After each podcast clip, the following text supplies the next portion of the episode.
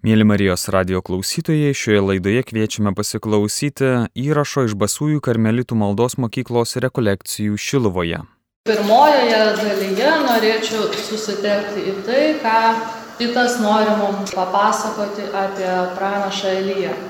Norėčiau pabrėžti, kad Tito suvokimą, jo manimą, kad tai, kas nutiko Elijui 900 metų prieš Kristų lygiai tie patys dalykai vyksta su mumis, kiekvienu iš mūsų ir mūsų maldoje. Tai pirmoji pamoka. Jeigu nėra grįsta šventuoju raštu, tai nėra malda. Šventasis Titas pripažino tai, kad karmelitų dvasingumas ir supratimas apie maldą yra grįstas tuo, ką mes matome pranašo Elijo gyvenime. Ir viskas prasidėjo nuo tokio mažo upelio šaltinėlio ant Karmelio kalno, ant to pačio kalno, ant kurio Elijas padarė tą pirmą savo stebuklą ir apie tai mes pakalbėsime vėliau. Ir tai, ką dabar kalbėsiu, apie tai rašoma pirmosios karalių knygos 18 ir 19 skyriuose. Taigi Dievas, tikrasis Dievas, juos išvedė iš Egipto ir atvedė į pažadėtąją žemę. Bet jie norėjo garbinti balą. Taigi tas balas reikštų kaip šeimininkas ir tas, kuris jų manimų, nuo kurio priklauso galvijų vaisingumas. Mūsų žodžiais tariant, tai tas Dievas, kurio dėka pasipildo mūsų kišenės pinigais. Ar garbinate tokio tipo Dievą? We all do to some extent. Šiek tiek daugiau mažiau mes visi tą darom, ar ne? Jūsų Dievas yra tas, kuriuo pasitikite, kurį dedat savo pasitikėjimą. Tai žinot, kartais galime pasimokyti iš amerikiečių. Paimsim tą amerikiečių dolerį, tą dolerio kupiūrą ir kas ant jos užrašyta. Mes pasitikime Dievu, o ne, kad mes pasitikime va šituo doleriu.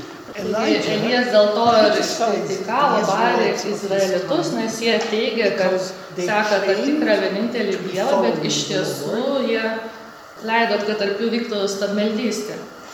Jūs sušoko tokį Elijo šokį. Ar esat matę Elijo šokį? Norite pažiūrėti? I trust in God. I trust in God. Pasitikiu, I trust in God. pasitikiu I Dievu. trust in God. I trust in God. I trust in Pasitikiu Dievu vieną koją, kitą pasitikiu balų. Stop hobbling from one leg to the other, he says, and make up your mind.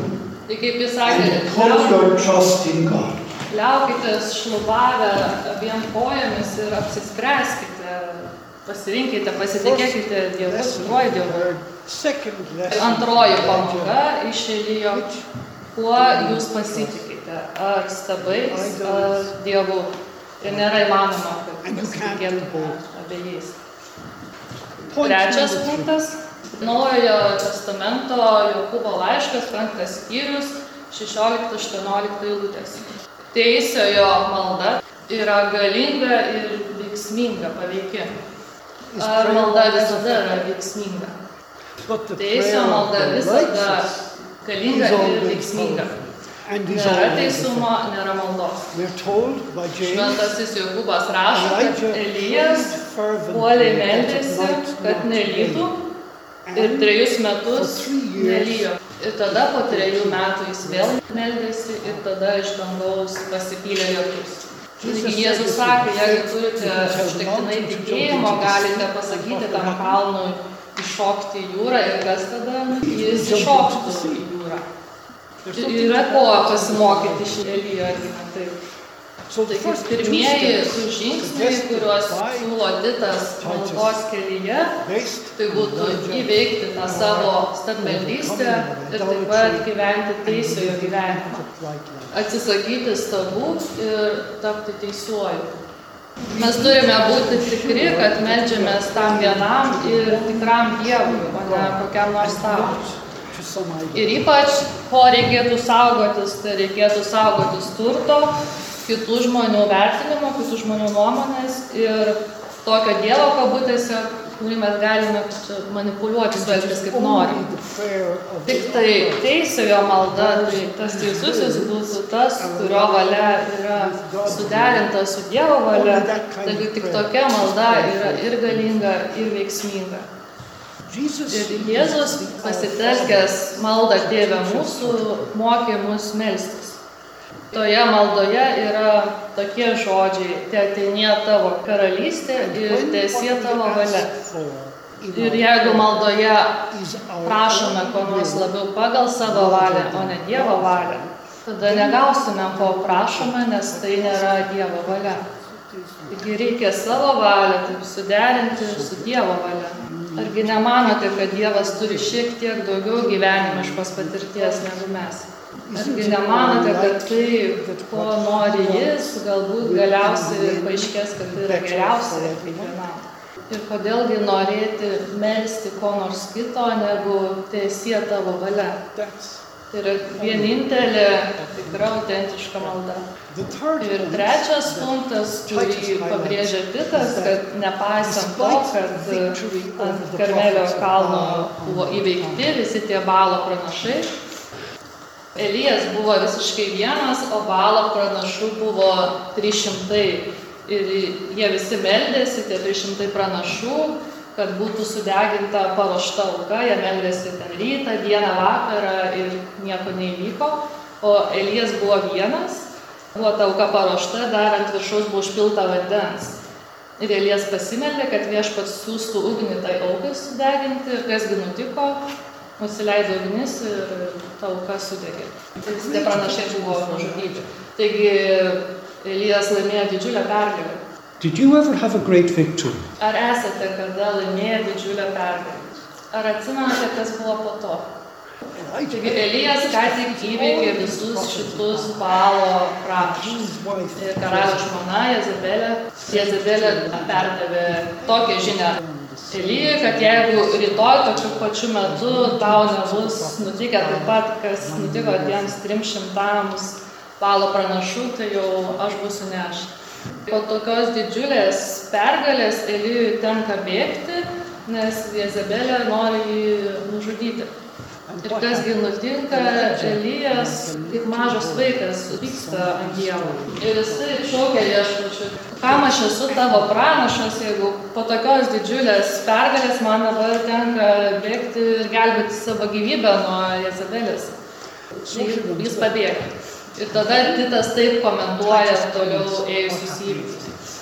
Šventajame rašte rašoma, kad Elijas pasistiprinęs tuo slepiningų maistu, kurio jam parūpino angelas, jis po to 40 dienų ir 40 naktų ėjo iki Horebo kalno. Ar Dievas pasirūpino tuo, kad tie, kurie meldžiasi, niekada nekentėtų? No. Bet juos palaiko, drąsina, veda, šviečia. Ir dėl to, kad Elijas pyko ant Dievo, Dievas dėl to nesupyko ant Elijo, jis kaip tik maitino jį ir nuvedė į tokią vietą, kur Elijas gali pasimokyti. Ir Titas šitai komentuoja, lygiai kaip mūsų tas prigimtinis, gamtinis gyvenimas, kurį reikia maitinti tą mūsų kūną kiekvieną dieną, taip pat ir mūsų dvasiniam gyvenimui reikia maisto, tas maistas yra Dievo žodis, šventasis raštas ir Euharistija. Ir būtent jie mus moko, maitina ir atgaivina. Tai mes tikrai negalim manyti, kad Dievas apsaugos nuo visokių blogų dalykų, kurie gali mums nutikti, bet turime būti tikri tuo, kad niekada nebūsime apleisti. Ir paskutinis dalykas apie Elyją, tai jis nukeliauja į Orego kalną ir kaip jis ten išmoksta būti Dievo artume. Ten nukeliavęs Elyjas turi tikrai daug klausimų Dievui, kaip antai kodėl tavęs ten nebuvo ir kodėl dabar man reikia bėgti nuo Jezebelės ir taip toliau ir panašiai. Elijas yra to Horebo kalno ir ten staiga pradeda pūsti labai stiprus vėjas, kaip uraganas, dreba žemė ir taip pat iš dangaus lyja ugnimi. Būtent tokie patys dalykai vyksta ir tuo metu, kai Mozė lygiant to paties kalno gauna dešimt Dievo įsakymų. And then comes the important point. Ir čia labai dabar svarbus dalykas. Elija supranta, kad viešpaties nebuvo tame smarkiame vėjuje. Ir viešpaties nebuvo žemės drebėjime. Ir viešpaties nebuvo toje ugnyje iš dangaus. Ir kodėl taip? Nes Dievas dabar Elijui pasirodo, ar tiksliau bendrauja su juo visiškai naujų būdų. Ir tada mes sužinome, kaipgi viešpats prakalbo Elijui. Čia tikras paradoksas. Atidžiai sekant originalą, hebrajų kalbą, tai galima versti tai, kaip buvo tos visiškos tylos garsas, tai yra visiška tyla. Simon and Garfunkel, anybody? Hello? Žinot, kas nors Simoną ir Garfunkel? The sound of silence is a paradox, a contradiction. Paradoksas, tokia prieštara. Kas yra tylos garsas? Tai tas garsas, kurį mes girdime kažkuo kitu, o ne savo ausimis. Ir pasak Elijo, būtent šituo tylos garsu viešpats ir pasakė jam, kągi daryti toliau. Ką jūs mieliau rinktumėtės? Ar tokį tornadą, uraganą, ugnį iš dangaus, kaip matė Mozė? Ar kaip Elijas išmokti išgirsti, ką viešpats nori tau Ir Titas apie šitą dalyką, šitą patirtį rašo taip, kad tai yra tarsi atspindys to, ko liudininkas Elijas buvo ant taboro kalno. Kaip vyko persikeitimas ir Mozė ir Elijas taip pat tenais buvo to šlovingoje. Taigi mes kalbam apie tikėjimą, o tikėjimas yra toks dalykas, kuris padeda mums pamatyti tai, ko negalime išvysti akimis. Kaip pavyzdžiui, išvysti kančios prasme arba tai, kad Jėzus yra Euharistijoje. Ir tarkim, yra du žmonės, kurių vienas turi tikėjimą, kitas ne. Jie mato skirtingus dalykus. Dabar čia maždaug tas pirmosios dalies pabaiga, bet turiu Jums vieną klausimą. Mes apžvelgėme tas keturias pamokas, kurias galime pasimokyti iš šventojo rašto ir kas ten rašoma apie Elijo gyvenimą. Ir pirmas tas poreikis įveikti, nugalėti savo stabus. Kas jūsų gyvenime yra svarbiau už Dievą? The second question Antras klausimas. Turime gyventi teisiojo gyvenimą. Kas jums trukdo užkerta kelią tam, kad gyventumėte teisiojo gyvenimą? Third, Trečias. Maitinti sielą Dievo žodžiu ir Eucharistiją. Netgi galiausiai nėra svarbu, ar tai Dievo žodis, ar Eucharistija, nes abiem atvejais tai yra tas pats Jėzus, kurį priimame, bet visiškai skirtingų būdų. Ar turite valgymo sutrikimą, kalbant apie Dievo žodį, dvasinį maistą? Kalbant apie Eucharistiją, kas irgi yra dvasios maistas? Pažįstu kai kurių žmonių, kurie turi tą bulimiją, kalbant apie Eucharistiją. Jie kiekvienose mišios. but I don't know what. Bet nu, kažkaip labai keista, netrodo, kad tai turėtų kažkokį Which is poveikį. quite remarkable when you think what they're receiving.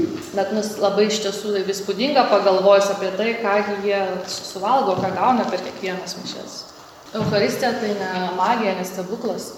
Ir ketvirtas tai mokymasis būti Dievo artume ir klausytis, ką jis nori pasakyti. Ar esat kada girdėję tą visiškos tylos garsą? Ir kada tai nutiko paskutinį kartą? Taigi antra tas rytis iš dešimties, kurias aptarė Titas, tai būtent tas pagrindinis karmelitų dokumentas. Šitą dokumentą parašė Jeruzalės patriarchas, kitaip tariant, Jeruzalės arkivyskupas Albertas Avogatoro, kuris buvo italas. Tai Jis buvo parašytas apie 1213 metais. Tai tas dokumentas vadinamas Alberto gyvenimo taisyklė. Tai reiškia tokie nurodymai, kaip turėjo gyventi tie patys pirmieji karmelitai, jų bendruomenė. Ir tame dokumente skaitome, kad kiekvienas iš jų turi turėti savo atskirą celę. Tai yra grupė atsiskyrėlių. Ir kiekvienas iš jų turi turėti savo atskirą gyvenamą erdvę. Ir toliau skaitome, kad tie broliai atsiskyrėliai turi pasilikti savo celėse arba netoli jų ir medituoti viešpaties įstatymą dieną ir naktį. Ir taip pat neapleisti maldos, išskyrus vieną išimtį. Kaip čia nurodoma, tik tuo atveju nebent yra užsijėmę dėl kažkokių teisėtų priežasčių. Aš čia pateikiau būtent taip, kaip parašyta, tos tikslius žodžius, nes noriu pabrėžti vieną dalyką. Atsiskyrėlio darbas, užsiemimas yra meditavimas ir malda. Ir tai turi vykti nuolat, išskyrus, jei kažką kitą reikia padaryti svarbaus. Nelengvas darbas.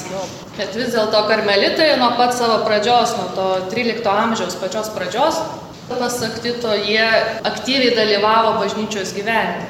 Ir tai jie darydavo daugybę būdų, kaip antai pamokslaudami, rengdami rekolekcijas, dirbdami parapijose ar ligoninėse ir taip toliau. Bet mūsų tradicija pabrėžia ir kaip svarbiausias iškelia būtent meditaciją ir maldą.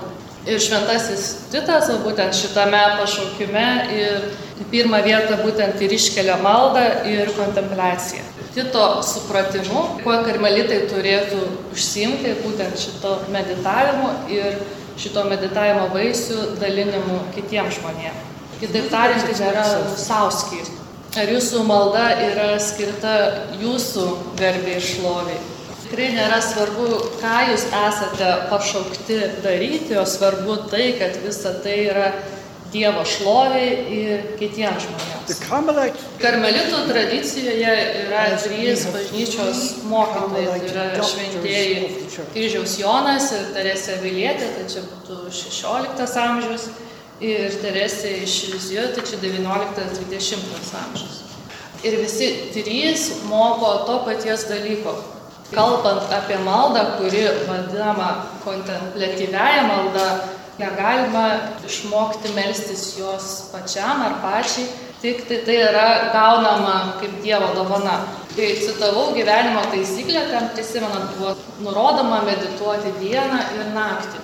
Tikrai jums negalima nurodyti kontempliuoti dieną ir naktį, nes kontempliacija yra Dievo dovana tikrai labai pavojingas dalykas save vadinti kontempliatyviuoju. Visi mes galime medituoti. Tikrai kartais Dievas būna tiek geras, padaro mus mus kontempliuoti. Skirtumas labai paprastas. Jeigu aš skaitau šios dienos Dievo žodį, apmastau, kas jame rašoma, kas tinka mano gyvenimui, taip pat tuo dalinuosi su kitais, tai yra meditacija. Bet gali būti taip, kad jau po tos meditacijos, kai užsiimame kažkokiu kitu dalyku, Dievas padeda mums išvelgti, ką šitą ištrauką noriu pasakyti konkrečiai man dabar ar kažkokiam kitam žmogui. Ir va šitas dalykas jau yra kontempliacijos dovana. Taigi šita kontempliacija yra Dievo dovana, kurią jis dalyja nežino nei kada, nei kaip bet mūsų gyvenimo būdas gali turėti įtakos, kiek mes esame atviri tai galimybei priimti šitą dovaną. Kitaip tariant, čia yra ir mūsų vaidmuo. Yra ir mūsų dalis, ar mes galėtume gauti tą kontempliacijos dovaną, ar visi trys bažnyčios daktarai kalba apie tai. Tas maldos praktika, nuolatinis praktikavimas padaro mus geriau besibeldžiančiai Taigi šventasis Titas pabrėžia tris sritis, kurios minimos ir gyvenimo taisyklėje. Tai būtent širdies tyrumas, dvasinis susitelkimas ir dvasinė kova. Jis to nesako, bet esu tikras, kad visi tie trys dalykai, jie yra kaip gerai jau įsisavinti, jie atveria kelią šitai kontemplatyviai maldai. Ir manau, kad kiekvienas iš mūsų su tom trim sritimis turi tikrai didžiulius Taigi gyvenimo taisyklėje skaitome, kad esame pašaukti tarnauti Dievui tyra širdimi ir švaria sąžinė. Ir šventajam Titui tokio širties tyrumo pavyzdys yra mergelės Marijos siela be jokios nuodėmės, Marijos, kur yra Dievo motina ir visų mergelių karalienė. Ji yra be nuodėmės, bet viena iš mūsų, ji nėra Dievas. Dėl to ji užima tikrai ypatingą vietą. Ir karmelitams ji yra dvasinio grožio ir pavyzdys, ir tobulumas. Carmelio grožis. Tai dvasinis grožis, ne fizinis grožis. Nors taip yra buvę mano gyvenime, esu sutikęs tokių dvasiškai gražių moterų, kurios buvo daug vyresnės už mane. Dvasinis gyvenimas joms suteikė tokį fizinį grožį, kurio neįmanoma pamiršti. Tad mums žmonėms, aišku, su Dievo malonė yra įmanoma pasiekti tą grožio tobulumą. Taigi pirmas punktas - širdies tyrumas. Antras punktas. 21 skirelis iš gyvenimo taisyklių. Tylos ir dvasinio susitelkimo svarba. Yra toks labai žinomas prancūziškas posakis. Angliškai, lietuviškai būtų tylė tam, kad klausytumėsi Dievo. Nėra taip, kad Dievas negali prabilti ir per triukšmą, bet Dievui patinka rasti tokį žmogų, kuris laukia, kadagi jis prabils. Juk yra pasakyta, kas ieško, tas randa. Tad jei laukiate jo žodžio, tas žodis bus jums duotas. Taigi mes ruošiamės gyventi bendrystėje su Dievu, visada stengdamėsi išlikti jo artume. Ir manau, kaip ir Titas sako, kad tą turime daryti skirdami maldai nedaug laiko, bet daug kartų per dieną. Panašiai kaip telefone pasitikrinti žinutės, elektroninius laiškus. Darom tai tiesiog automatiškai, ne? Bet ar klausotės, ką Dievas sako? Taip pat tą darome tada, kai lankomės mišiuose. Nes kiekvienos mišios yra tas įveiksmintas susitikimas su Dievu ir jo prieimimas. Tad mišių eiga mes ateiname, atsiprašom už savo kaltes, klausomės Dievo žodžio, tada girdime, kas apie jį kalbama, draugės su kunigu melžiamės už bažnyčią, priimame Dievo kūną, tada esame išsiunčiami į pasaulį. Žmonių tas mišių ritmas gali būti įvairus. Vieni eina kiekvieną dieną, kiti kas sekmadienį, tai, tai tikrai priklauso nuo žmonių. Bet svarbu, kad tas ritmas būtų. You should be looking forward to your next Eucharist. Turėtumėte laukti, kada bus kitos mišios. Ir kaip sakoma, antro Vatikano susirinkimo dokumentuose, kad mes aukojame tas dvasinės aukas, kurios jau buvo paukotas, tai mes jas aukojame per kiekvienas mišes. Paukoja tas aukas, mes gauname jas vėl atgal, kaip Kristaus kūną ir kraują tam, kad galėtume toliau tęsti aukojimą ir toks va, nuolat vykstantis eucharistinis ritmas. Kiekvieną dieną derėtų apmastyti, kas dedasi, kas vyksta, kad Dievas nori man pasakyti, ką Jis man nori pasakyti apie kitus žmonės. Gyvenimo taisyklėse 18-19 punktuose kalbama apie tą jau trečią punktą, tai yra dvasinę kovą. Čia dabar bus paskutinis punktas, bet jis yra labai svarbus ir galima sakyti, kad būtent jis yra, šitas dalykas yra tas, kuo išsiskiria net karmelitų tradicija, tai yra dvasios kova, dvasinė kova. Labai keista, bet karmelitai tikrai yra gundymo, pagundos ekspertai, klausimu. And understanding temptation is not easy. Ir suprasti gundymą nėra lengva. Ir tikrai mes kalbam apie tai labai įvairiais būdais ir kartais sakome, kad tai, kas gundo traukia, tai yra geras dalykas. Kartais žvelgiam kaip į neigiamą dalyką. Skirtumas gerų ir blogų gundimų. Tai tas skirtumas yra raktas į šitą dvasinę kovą. Pagunda yra pavojinga, jeigu užkerta kelią Dievo meiliai ir artimo meiliai, o kitais atvejais visiškai. Vėliau grįšiu prie to, bet va, šitas skirtumas yra labai svarbus. Jeigu mes mylime Dievą ir artimą, tai reiškia visiškai pilnai laikomės įstatymą. Pagundos pavojingos tuo, kad kliudo mums gyventi pagal meilės įsakymą. Jau minėjau apie tai, tai yra tas pats, kas vykdyti Dievo valią. Jei vykdote Dievo valią, tai jūs patys būsite mylinti žmonės, nes Dievas yra meilė. Bet jei turi tokią iliuziją, kad jūsų valia yra aukščiau už Dievo valią, tai jau esate pakliuvę į bėdą. Ir šventasis raštas parodo mums, kad tokia meilė, tiek meilės, kiek Dievas turi mums, tai daugiau meilės žemėje negali būti. Bet savo valią turime palengti taip, kad jie atitiktų Dievo valią.